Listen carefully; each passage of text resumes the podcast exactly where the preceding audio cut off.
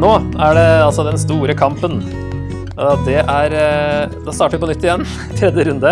Og da starter vi med et mellomspill. Mellom eh, sjuende basun og første skål. Og det er jo eh, kapittel 12, 13 og 14 før skålene kommer etter det, i kapittel 15 og 16. Så her eh, er det en kvinne som eh, viser seg Et stort tegn viser seg på himmelen. En kvinne som var kledd i solen med månen under sine føtter og med en krans av tolv stjerner på hodet. Han var, hun var barn og skrek i bars, barselsmerter og fødselsrier. Og så er det en drage med sju hoder og ti horn og sju kroner. Rev ned en tredjedel av stjernene på himmelen og kastet dem ned på jorden. Det er jo der man i så fall har det fra at eh, en tredjedel av englene falt med dragen eh, og ble onde, men det er jo litt tynt grunnlag kanskje å bruke bare det verset her til den informasjonen der, da. Og så er dragen klart å sluke barnet, og så en som skal styre alle folkeslag med jernstav, men den ble rykket opp til Gud. Og kvinnen rømte til ødemarken, til et sted som Gud hadde gjort i stand, og der skulle hun i 1260 dager få den maten hun trengte. Men det her virker som det ikke er kronologisk etter kapittel 11, men et tilbakeblikk og framblikk fra begynnelse til slutt. Her får vi liksom mellomspill som er litt sånn behind the scenes, og som går helt tilbake til Ok, en gutt blir født her, som skal eh, rule verden, holdt på å si. Hva heter det? Styre alle folkeslag med jernstav. Men rykkes opp til Gud, og så um, rømmer da kvinnen ut i ødemarken. Ok, noen GT-referanser her òg. Eh, snakk om en del fødsel i eh, profetene, spesielt, eller f.eks. Jesaja skulle stått der, ikke Isaia. Jesaja 66 og Mika 4. Eh, snakkes om at Sion av Jerusalem skal føde. Eh, styre folkeslag med jernstav, det er fra Salme 2, det også. Så når det brukes her, så er det messiansk, da. Eh, på ørnevinger skal hun her eh, eh, Det kommer litt lenger ned, vel? Eller leste vi det? Nei, det kommer eh, at hun, I vers 14. Ok, så det, Før det skjer, da, så er det jo krig i himmelen. Mikael og englene hans gikk til krig mot dragen. Dragen kjempet sammen med englene sine, men de ble overvunnet, og det fantes ikke lenger noen plass for dem i himmelen. Store dragen ble kastet ned, den gamle slangen, han som kalles djevelen og Satan. Her får vi i hvert fall forklart det, at slangen, dragen, djevelen, Satan Den gamle slangen, ikke sant? den slangen som var i Edens hage. Men det er ikke før her at det tydelig sies at det var Satan. Eh, og som forfører hele verden. Han ble kastet ned på jorden, og englene hans ble kastet ned sammen med ham. Og jeg hørte en røst, høy røst i himmelen som sa, Nå er seieren og makten og riket fra vår Gud kommet. Nå har hans salvede herredømme. For anklageren er styrtet. Det er jo det Satan eh, betyr, men et annet ord som brukes her, faktisk. Anklager. Han som natt og dag anklaget våre søsken for vår Guds ansikt. De har seiret over ham ved lammets blod og ved det ordet de vitnet, og de hadde ikke livet så kjært at de ikke ville gå i døden. Juble derfor, dere himler og dere som bor i dem. Men ved over jorden og havet, for djevelen er kommet ned til dere, og hans raseri er stort, for han vet at hans tid er kort. Og så kommer det her at Da dragen så at den var kastet ned på jorden, forfulgte den kvinnen som hadde født guttebarnet, men hun fikk de to vingene til den store ørnen, så hun kunne fly ut i ødemarken til et sted og få den maten hun trengte, i én tid og tider og halvtid.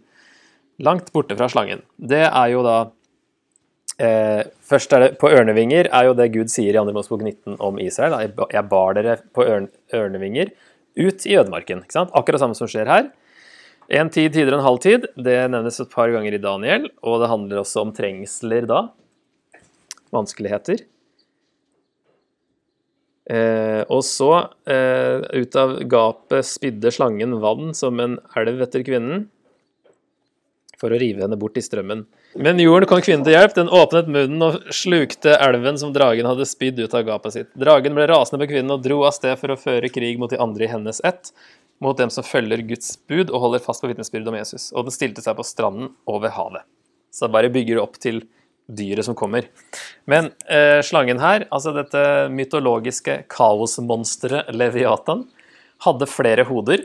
Det står ikke akkurat hvor mange, men mange steder i eh, Jobbs bok og Salme 74, Salme 89, Jesaja 27, 30 og 51 er det snakk om Leviatan, og ofte snakk om at han har flere hoder. Eh, og det fjerde dyret i Daniel 7 hadde ti horn. Så denne Først for å ta kvinnen, da, så um, Eller Ja. Jo, det var det jeg mente. Kvinnen, eh, hvem er det? Det ser ut som at det er både Israel som eh, føder Messias, man kan kanskje se Maria her òg, men det er så mye GT-stoff her at det er kanskje hele Israel som Hele poenget med Israel var jo at Messias skulle bli født. Så sånn sett kan vi kanskje heller si at det er Israel mer enn en Maria. Men også kirken, som forfølges av dragen, som er Satan her, da. Siden hun er ute i ørkenen i en periode, og alle av hennes ett alle kristne på en måte er hennes etterkommere, så kan på en måte si at hun er ja, ja, enten Israel eller kirken, da, men det er jo hun òg forfølges her. Så dette er en åpenbaring behind the scenes av hvem som trekker i trådene. Oppmuntring til å holde ut og trygghet om at Gud vil bevare dem. Det kommer forfølgelse fordi Satan er overvunnet. Gud kommer til å beskytte dem, men de må være klar over at det kommer vanskeligheter. Det må vi også. Ok, Skal ta litt mer om denne dragen her. Eh, eller Satan, kanskje mest. Vi er fortsatt på samme scene. Eh, det er jo i vers 7-9 her en beskrivelse av at Satan beseires, han vil kastes ut. Men ikke tydelig når det skjedde, og det er vanskelig å være helt kronologisk eh, nøyaktig i denne sjangeren her. Og det, dette er jo et sånn tilbakespill, tilbakeblikk og litt sånn, så det er vanskelig å vite Altså Det ser ut som det er etter at Jesus da har vært eh, på jorda så vidt, og rett opp til Gud, og forfølgelsene har på en måte begynt. Da i, virker som, altså da brøt ut en krig. Hvis det er kronologisk, så skjer det i hvert fall etter at Jesus har um, stått opp igjen og dratt opp til Gud. Det er han som er guttebarnet her, sant? Eh, Messias, som, eh, som eh, rykkes opp til Gud står opp igjen, og himmelfarten. Og så er det eventuelt en krig i den sammenhengen, da, men det er vanskelig å vite akkurat kronologien. Og det trenger jo ikke bety at Satan var i Guds himmel. Det kan òg være himmelrommet, hvor man tenkte at åndene oppholdt seg, som vi så i Efeserne bl.a. At de hadde den forestillingen om at uh, mellom vår jord og Guds himmel så var alle andre ånder. Og så Jesus er satt i himmelen over alle navn og makter og myndigheter, og sånn sier Paulus der. ikke sant? over alle de andre, og at Satan kanskje var eh, en av de i det himmelrommet. Som, det er egentlig samme ordet for himmel, da, i, eh, på gresk. Han er beseiret i åndeverdenen, men aktiv på jorden, ser det ut som her. Det viktige å få med seg i den forbindelsen er jo ikke å bli skremt av at eh, Satan er aktiv på jorda, men at kristne også seirer over ham ved lammets blod og ved det ordet de vitnet, står det i vers 11. De får vite at han kommer til å forfølge dem, men at han kan overvinnes, selv om det kan bety at de dør. Når det står at de hadde ikke livet så kjært at de ikke ville gå i døden, men så kan de seire likevel. De kan seire ved å dø, sånn som Jesus gjorde. De vet forfølgelser kommer, men forfølgelsene kommer fordi Jesus har vunnet. Så bryter det løs et eller annet. Og Det kan jo være en grunn til at Jesus og nei, Satan nevnes mye mer i Nytestamentet enn i GT, fordi Jesus har kommet. Satan ble mer aktiv, og eh, de onde åndene ble mer aktive fordi nå skjer det noe veldig, veldig viktig.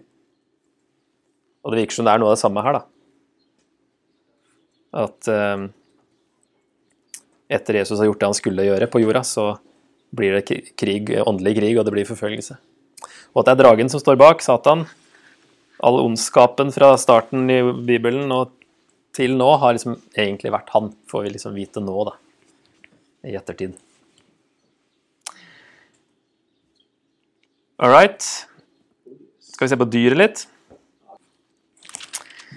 Så, fordi dragen her stiller seg på stranda ved havet, står det, og så ser Johannes i kapittel 13 et dyr stige opp av havet. Det hadde ti horn og sju hoder og ti kroner på hornene, og på hodene sto det navn som var en spott mot Gud. Dyret jeg så, lignet en leopard, men hadde føtter som en bjørn og gap som en løve. Dragen ga det sin kraft og sin trone og stor makt. Et av dyrets hoder så ut som at det hadde fått banesår, men det dødelige såret var blitt leget. All verden undret seg over dyret og fulgte det. De tilba dragen fordi den hadde gitt dyret makt, og de tilba dyret og sa, Hvem er som dyret, og hvem kan kjempe mot det? Dyret fikk en munn som talte store og spottende ord, og det fikk makt å holde på i 42 måneder. Det åpnet munnen for å spotte Gud og begynte å håne hans navn og hans bolig og dem som bor i himmelen. Det fikk også lov til å føre krig mot de hellige og vinne over dem, og det fikk makt over alle stammer og folk, tungemål og nasjoner. Og alle som bor på jorden skal tilbe dyret, hver den som fra verdens grunnvoll ble lagt, ikke har fått sitt navn skrevet i livets bok, hos lammet som ble slaktet. Den som har ører, hør, den som skal i fangenskap, må gå i fangenskap, den som skal drepes med sverd, må dø for sverd. Her gjelder det at de hellige har utholdenhet og tro. Det er det første dyret. Så kommer det et annet dyr i vers 11. Så scene to her er det første dyret. Den ligner på dragen, ettersom den har også sju hoder og ti horn, men den har ti kroner istedenfor sju kroner. Men det er en likhet her med dragen og dyret. Og det ser ut at den dragen, eh, dyret her er en blanding av dragen og leviatan og leopard, løve og bjørn fra Daniel 7, der det jo betydde verdensmakter. Ikke sant? De dyrene som kom eh, Som Daniel ser, er jo verdensrikene fra Babylon og utover. Og alt det her samles i et grusomt bilde av et dyr som tydeligvis er en verdensmakt, siden den har trekk av Daniel sine verdensmakter, men òg trekk av dragen og ja, skråstrek Leviatan, da, men altså dette kaosmonsteret og det, på en måte ondskapen.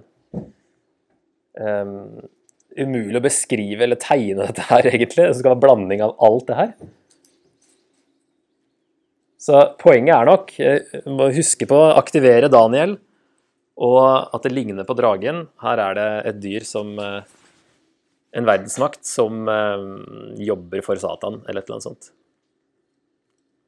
Som i denne boka, konteksten, mest eh, logisk vil være den onde keisermakten som står imot Gud, og som drev og kalte seg sjøl Gud, og sa blasfemiske ting og spottende ord og sånn som det står her, med å kalle seg sjøl Gud. Keiserne, i hvert fall noen av de, og Domitian, da, som var en av de. Og dette med banesår her um, Det skulle stått vers 3 istedenfor vers 4, tror jeg. Vers 3 står det et av dyrets hoder så ut som om det hadde fått banesår, men det dødelige såret var blitt leget. Neros selvmord i år 68 førte til fire keisere på ett år og mange opprør i provinsene. Det så ut som at keisermakten ville kollapse, men så ble den sterkere enn på lenge under Vespasian Titus og Domitian. Så det kom seg, det så ut til å gå under på 60, rundt år 70. Um, og så kom det seg igjen, og så ble det veldig sterkt. Og det kan jo være det som uh, Det det betyr her, da. Det så ut til at det fått banesår, altså et dødelig sår, men det ble leget, og all verden undret seg og fulgte det, og wow, liksom. Keiserne klarte seg og ble sterkere. Blasfemiske navn nevnes her fordi keiserne da tok guddommelige titler som Guds sønn, herre, frelser og til og med Gud. Og så kom jo dyret opp av havet, og romerne kom bokstavelig opp av havet da de landa på kysten av Lille-Asia, når de kom liksom mot eh, Johannes eh, sitt område si, og Israel. da, Så kom de jo med skip og på en måte opp av havet. Så det kan være en bokstavelig link der. Så her tenker jeg, for å oppsummere, dette første dyret at dette er en åpenbaring om at Satan har på en måte delegert forfølgelsen til keiseren, som har makt over hele verden da, på den tida. Alle andre tilber ham, men de kristne må stå imot. Alle som ikke hadde fått navnet sitt skrevet i livets bok fra før verdens grunnvoll ble lagt, alle de tilber dyret, men de som har navnet sitt i den boka, de gjør det ikke.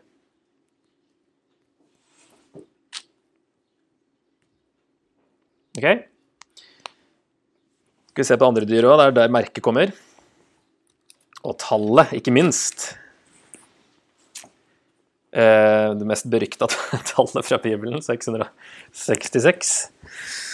Jeg så et annet dyr stige opp fra jorden, står det i vers 11. Eh, så det første kommer opp av havet, det andre kommer opp av jorda.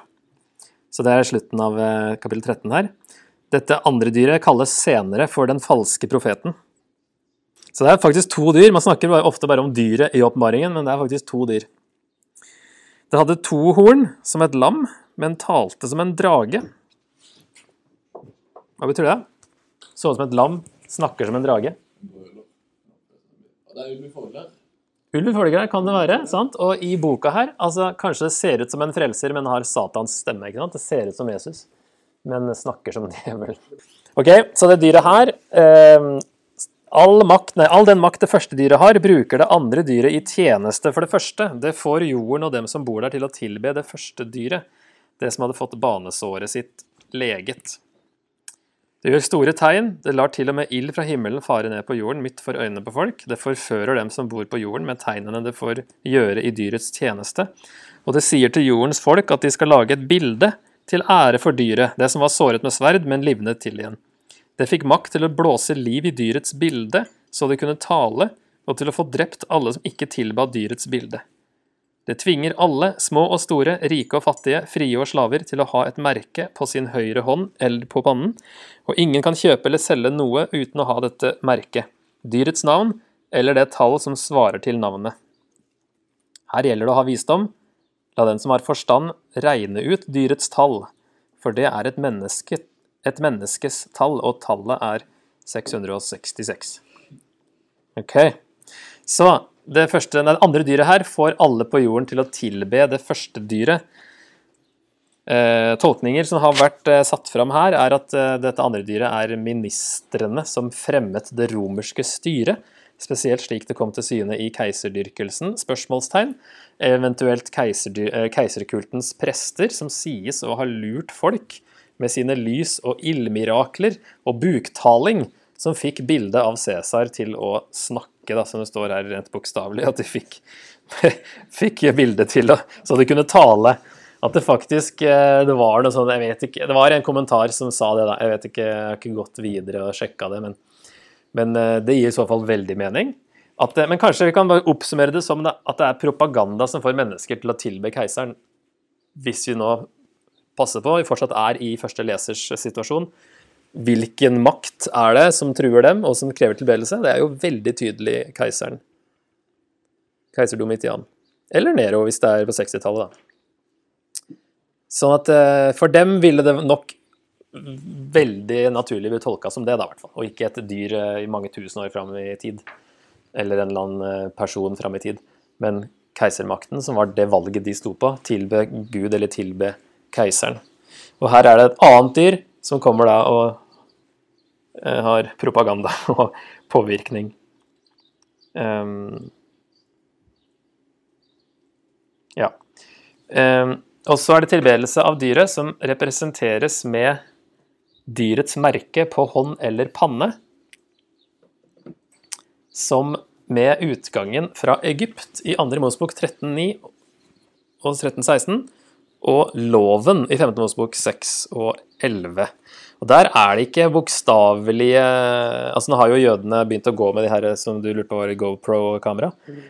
Den der boksen foran her, de ortodokse jødene, som har liksom lovruller inni der. Rent bokstavelig ha det på panna, eh, og kanskje et eller annet her òg på hånda. Men det står at utgangen fra Egypt Det står bare at utgangen skal være eh, Det står ikke noe om at det skal være noe konkret, i hvert fall. Men uh, det er liksom der man skal huske på ting. Det er liksom de tydeligste tingene, på en måte. Eller stedene. Uh, Andre Mosebok 13.9. For det står altså fra vers 7, da. Alle de sju dagene skal du spise usyret brød. Det må ikke finnes noe som er syret hos deg. I hele landet må det ikke finnes noe surdeig. Den dagen skal du fortelle sønnen din. Dette er til minne om det Herren gjorde for meg da jeg dro ut av Egypt. Du skal ha dette som et tegn på hånden og et minnetegn på pannen, så Herrens lov kan være på leppene dine. For med sterk hånd førte Herren deg ut av Egypt. Og så står det i vers 16 også at eh, Eller fra 15, da. Eh, da farao gjorde seg hard og ikke ville la oss dra, slo Herren i hjel alle førstefødte i Egypt, av både mennesker og dyr. Derfor ofrer jeg til Herren alt av hannkjønn som åpner morslivet, men hver førstefødt sønn løser jeg ut. Det skal være et tegn på hånden din og et merke på pannen din, pannen din, for med sterk hånd førte Herren oss ut av Egypt. Så det er bare sånn dette minnet skal være på pannen og hånda. Det er ikke noe sånn bokstavelig skriv et eller annet, fest et eller annet. Det er liksom bare utgangen skal være på pannen og på hånda. Så det er litt interessant, eh, men det er i hvert fall henta derfra. Eh, flere steder det nevnes i Moseloven. For det er lett å bare fokusere på hva kan, hva kan merket være, men vi må se på alt som sies om det, og om andre ting eh, i boka her, for å ikke bare ta en altfor lettvint tolkning.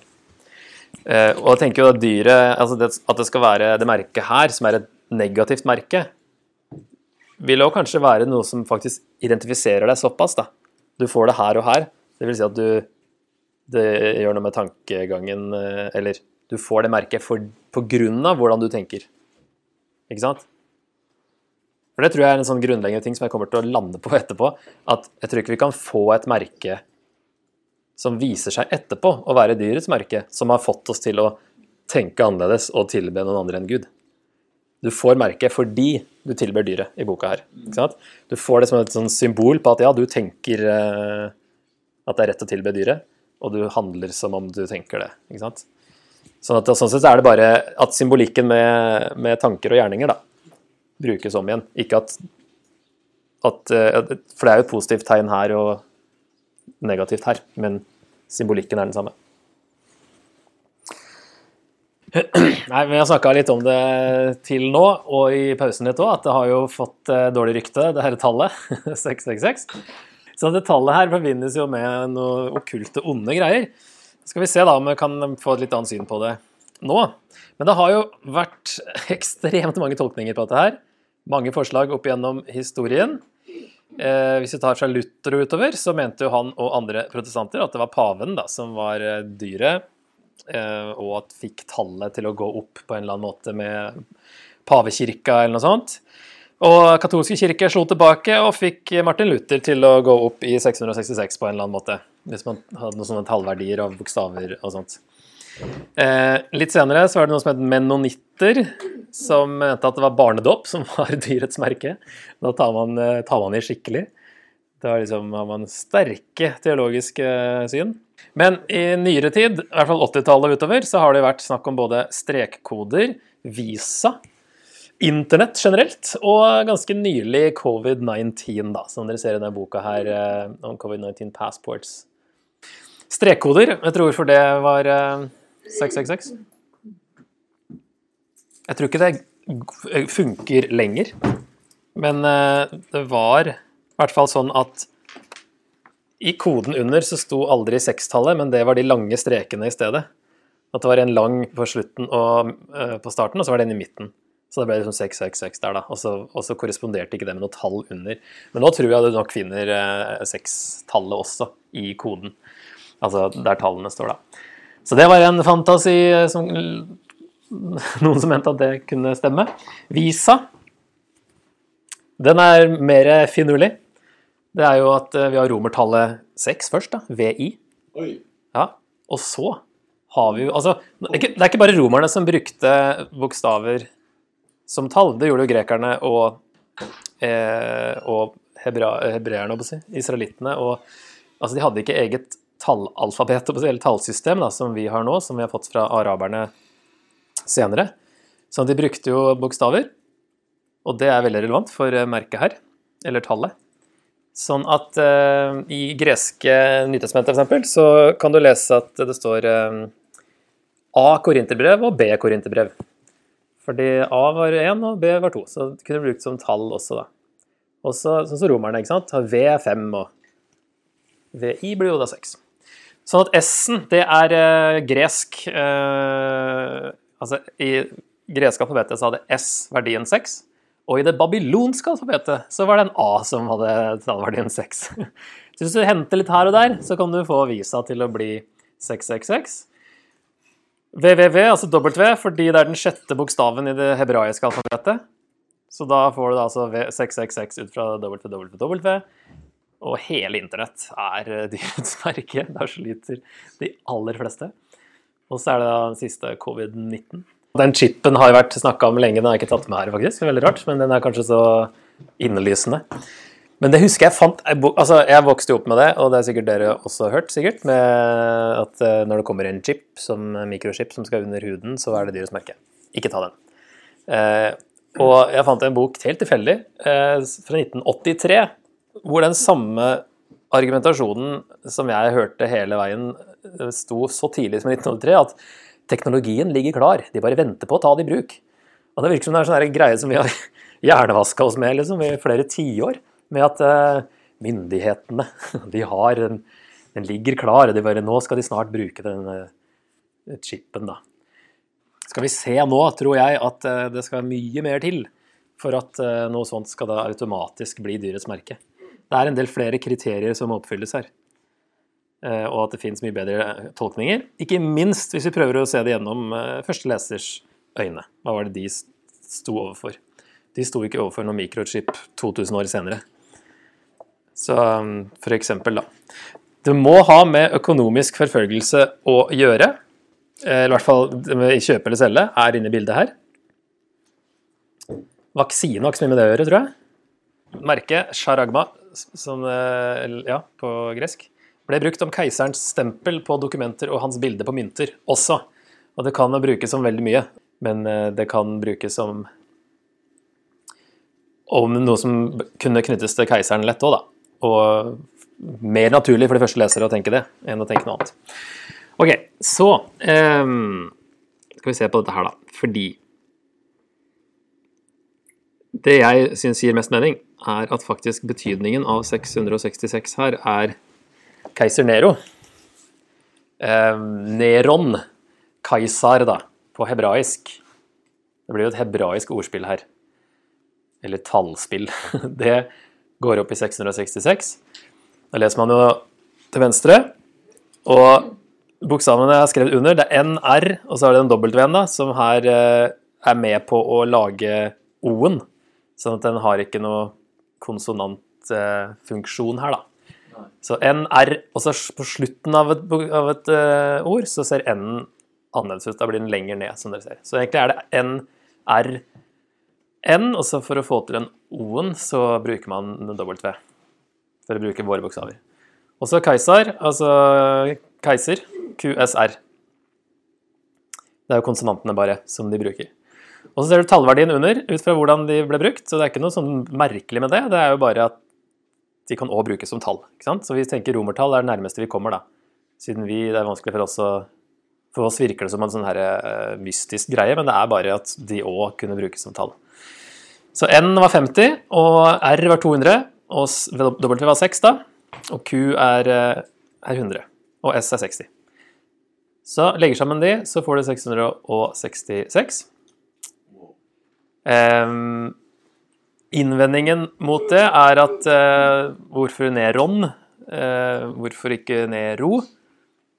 Um, det var nok Eller man kunne si det på forskjellige måter. Man har funnet Neron i uh, dødehavsrullene. Og så har man også et veldig interessant uh, argument for at uh, det her fortsatt er Nero, er fordi i noen manuskripter av Johans oppmaring så er ikke tallet 666, men tallet er 616.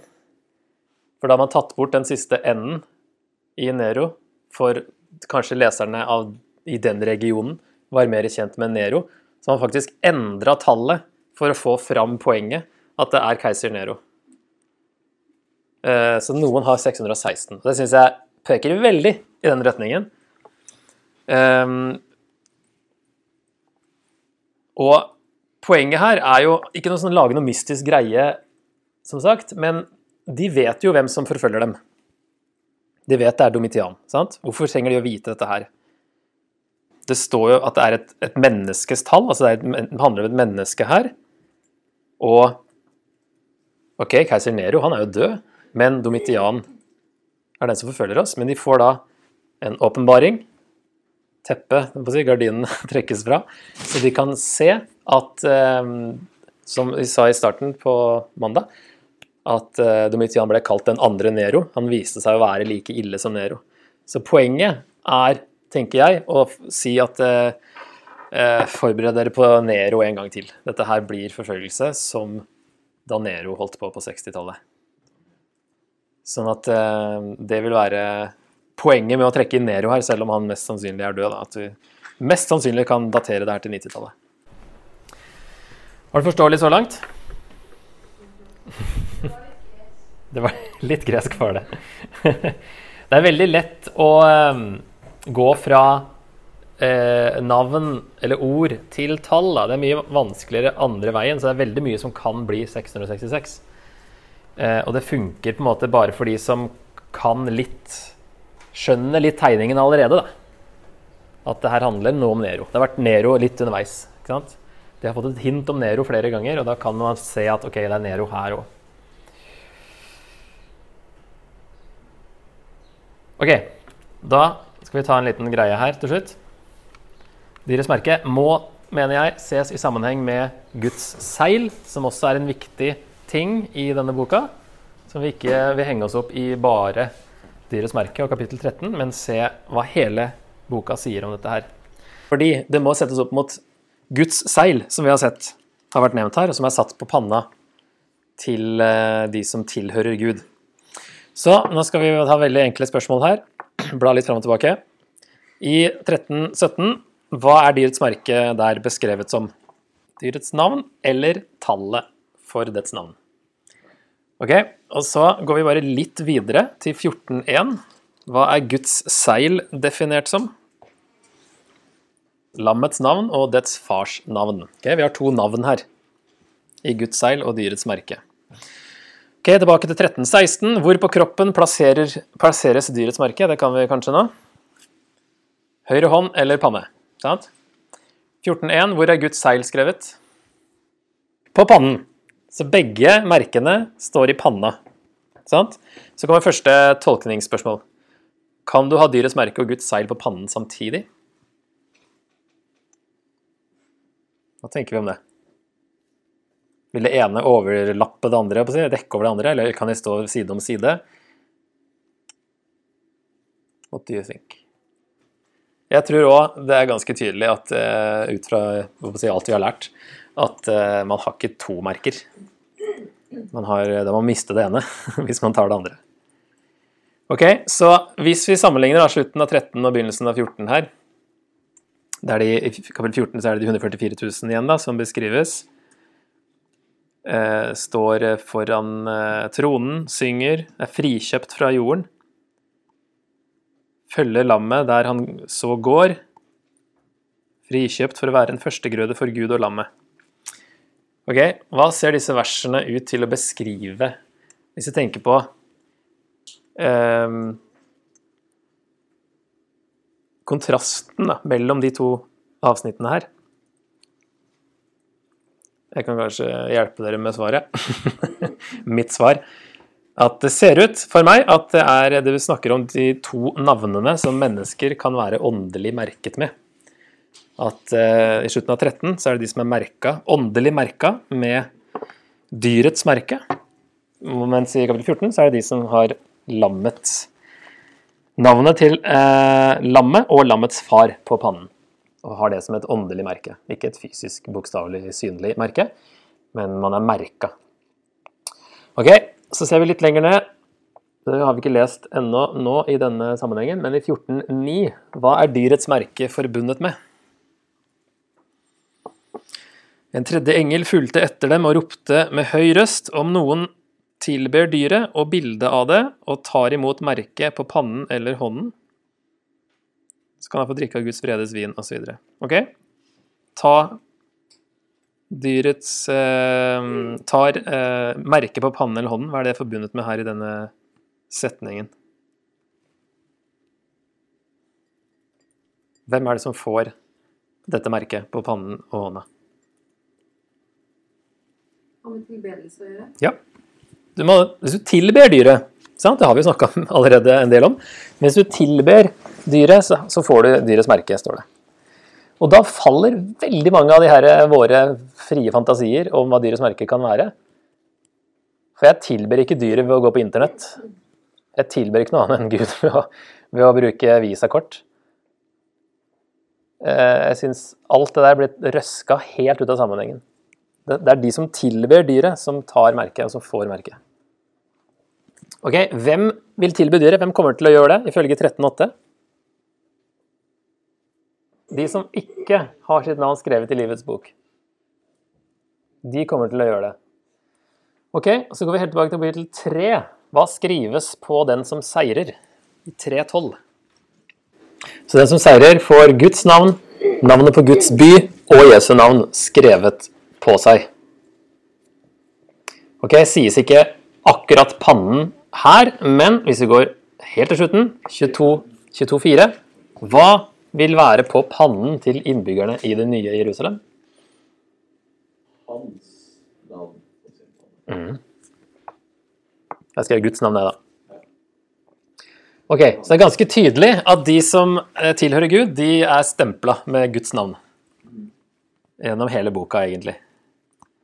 Og så kommer dette merket som en kontrast. Ok, og så tenker vi litt større nytestamentlig her. Ifølge Efeserne 1 Det trenger ikke å slå opp, men se om dere kan svare likevel. Og Efeserne 4 og 2. Korinter 1. Når får man Guds seil? Hva sier Paulus om dette Guds seil? Når får man det? Når man kommer til tro, så har vi fått ånden som seil, sier Paulus da. Men du får jo et seil fra Gud, sant? Du er beseila. Når du kommer til tro, så har du, blitt, har du fått Guds seil i pannen, som det åndelige merket. Ok, tolkningsspørsmål nummer to, eller noe sånt. Kan en kristen ha dyrets merke? Kan en kristen ta dyrets merke? Det er litt mer sånn glidende overgang til at du kanskje ikke er kristen lenger, men kan du ha det når du er kristen? Nei! Nei. Konklusjon så langt? Kristne har Guds seil på pannen. En kristen kan ikke ha både Guds seil og dyrets merke på pannen. Kristne trenger derfor ikke frykte dyrets merke. Ikke merke i seg sjøl, så lenge du vet hvem du tilber. Så trenger du ikke være redd for et eller annet mystisk merke som ingen har klart å finne ut liksom, hva er for noe. Men hvis det da likevel er fremtidig Hvis Vi tenker på liksom ting som har blitt nevnt i vår tid, da. Så de første leserne mikrochipper, visakort eller strekkoder. Opplevde, ville de skjønt da vi snakka om? Å nei, ikke i det. Nei, ikke i det. Skjønte de budskapet i boka? Ja. Det håper vi. At det ikke var helt bom. sant? De skjønte boka uten å ha skjønt hva det her var. Så altså visa og strekkoder. Ble de skremt av dette budskapet? Da har de lest den feil, så sannsynligvis ble de ikke skremt. Er det tydelig at du tilber dyret hvis du har dyrets merke?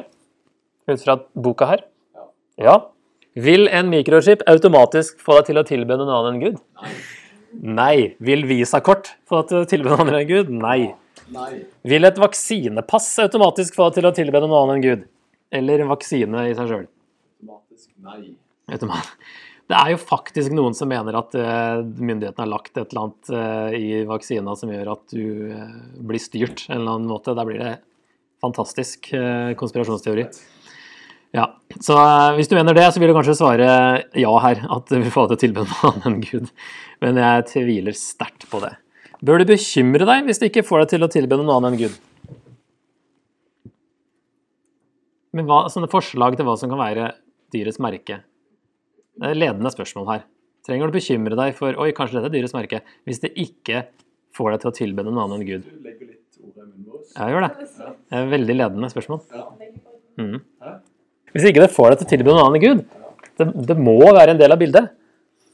At det har med hvem du tilber å gjøre. Ellers så tar du ikke teksten på alvor. Da plukker du ut det ene tallet, og så kjører du av gårde med det. Her handler det om hvem du tilber. Og det er så tydelig at det må være tydelig vi- hvis vi skal tolke ting her om noen lignende kan oppstå igjen. Da. Hvordan er vi frelst ifølge resten av Bibelen?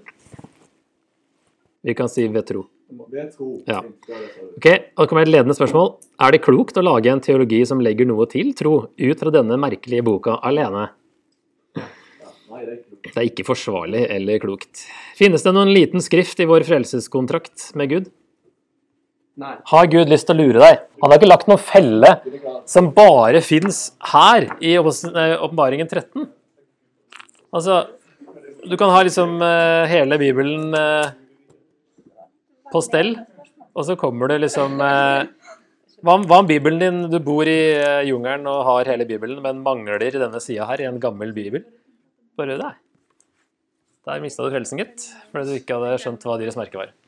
Litt senere i historien, på rundt 250 etter Kristus, så var det en ny forfølgelse, eller et par stykk, rundt eh, på den tida. Eh, også utført av eh, Romerriket.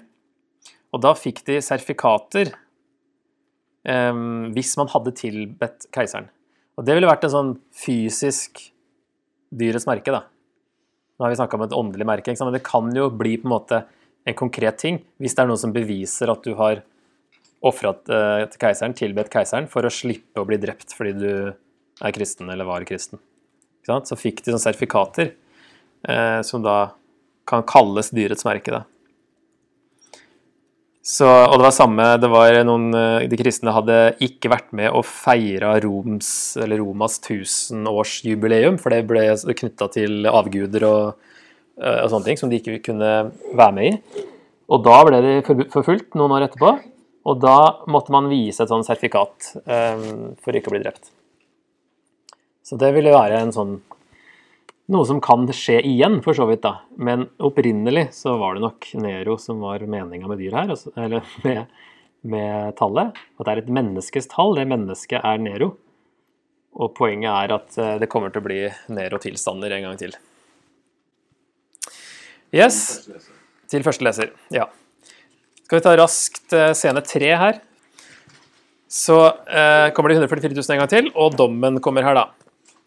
Så først så har vi nå sett at vi ser de med Guds seil i de første fem versene, og så ses dommen over de som har tatt dyrets merke i kapittel, nei, vers 6 og ut. Så det er også to sånne scener på en måte inni her, da. De ser først de som er ut, kjøpt fri fra jorda, og så de andre som har tatt merket. Det er, eh, her er det jo Ja, det vanskelige er kanskje det her med pines med ild og svovel for øynene på de hellige engler og lammet i vers 10. Eh, høres jo litt grusomt ut at de skal stå og se på Eller at vi, eller englene og lammet skal stå og se på at noen skal pines i all evighet. Eh, røyken fra deres pinsel stiger opp i all evighet, står det. Verken natt eller dag får de ro, de som tilber dyret og dyrets bilde og tar imot dets navn til merke. Her må de hellige ha utholdenhet, de som holder seg til Guds bud og troen på Jesus. Så jeg tenkte bitte litt om det bare, når det kommer til det bildet her, da, med liksom at noen skal pines for alltid, og noen skal stå og se på for alltid. Så er jo noen punkt at apokalyptikk er sjelden bokstavelig. Det er én ting å huske på. Og så står det også at det er røyken som stiger opp i all evighet, som det står og det skal gjøre fra Babylon i 1903, og som det står at det gjorde det fra Edom, som på en måte representerer alle nasjonene, i Isaiah 34. At det er et bilde på ødeleggelse, når røyken stiger opp for alltid. Dvs. Si at her den er ødelagt, og her er beviset. Dere kommer til å se den røyken for alltid, at den byen er borte.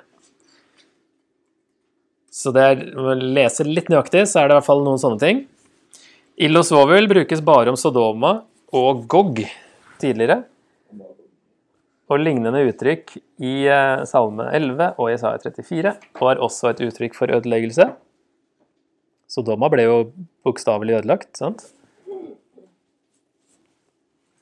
Og verken natt eller dag er også hentet fra Isaiah 34, så det er jo ting som spiller på GT her òg, og det hører sammen med denne røyken.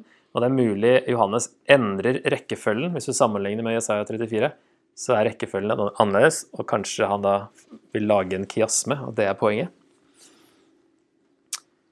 Og siste punktet er at Guds vredes vin, det er det de skal drikke. Det er jo dommen det er snakk om her, ikke sant? De skal drikke Guds vredes vin. Og det peker fram på denne vinpressebildet som kommer helt til slutt, vers 19 og 20. Og det er ikke en evig prosess, det, at de skal pines for evig. Det passer liksom ikke med hele bildet når den vinpressa den skal jo ikke tråkkes og tråkkes og tråkkes. Men uh, tråkkes, og det blir ekstremt mye blod, da. At det uh, når opp til bisselet på hestene 1600 stadier borte, og det er ca. 300 km borte.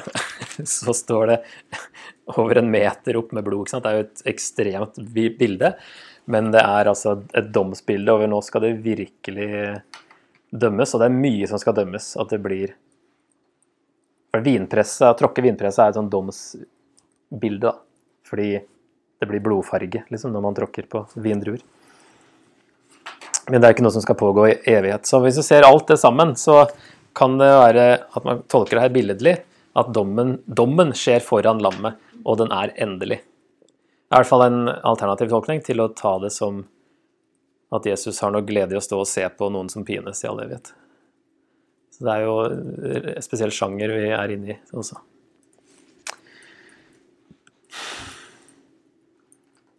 Ok, da har vi faktisk eh, noen få minutter til å prøve å fordøye bitte litt av det vi har sett på i dag. Eller spesielt de siste tre her. Hvis jeg prøver å oppsummere 12-14, da. Den store kampen er allerede vunnet, men derfor kommer det forfølgelser.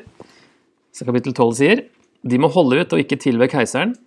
Kapittel 13 så vil Gud gripe inn og dømme ondskapen. Kapittel 14. Det må en oppsummere der i én setning. Det som har virka veldig komplisert. Hva oppmuntrer deg mest fra disse kapitlene?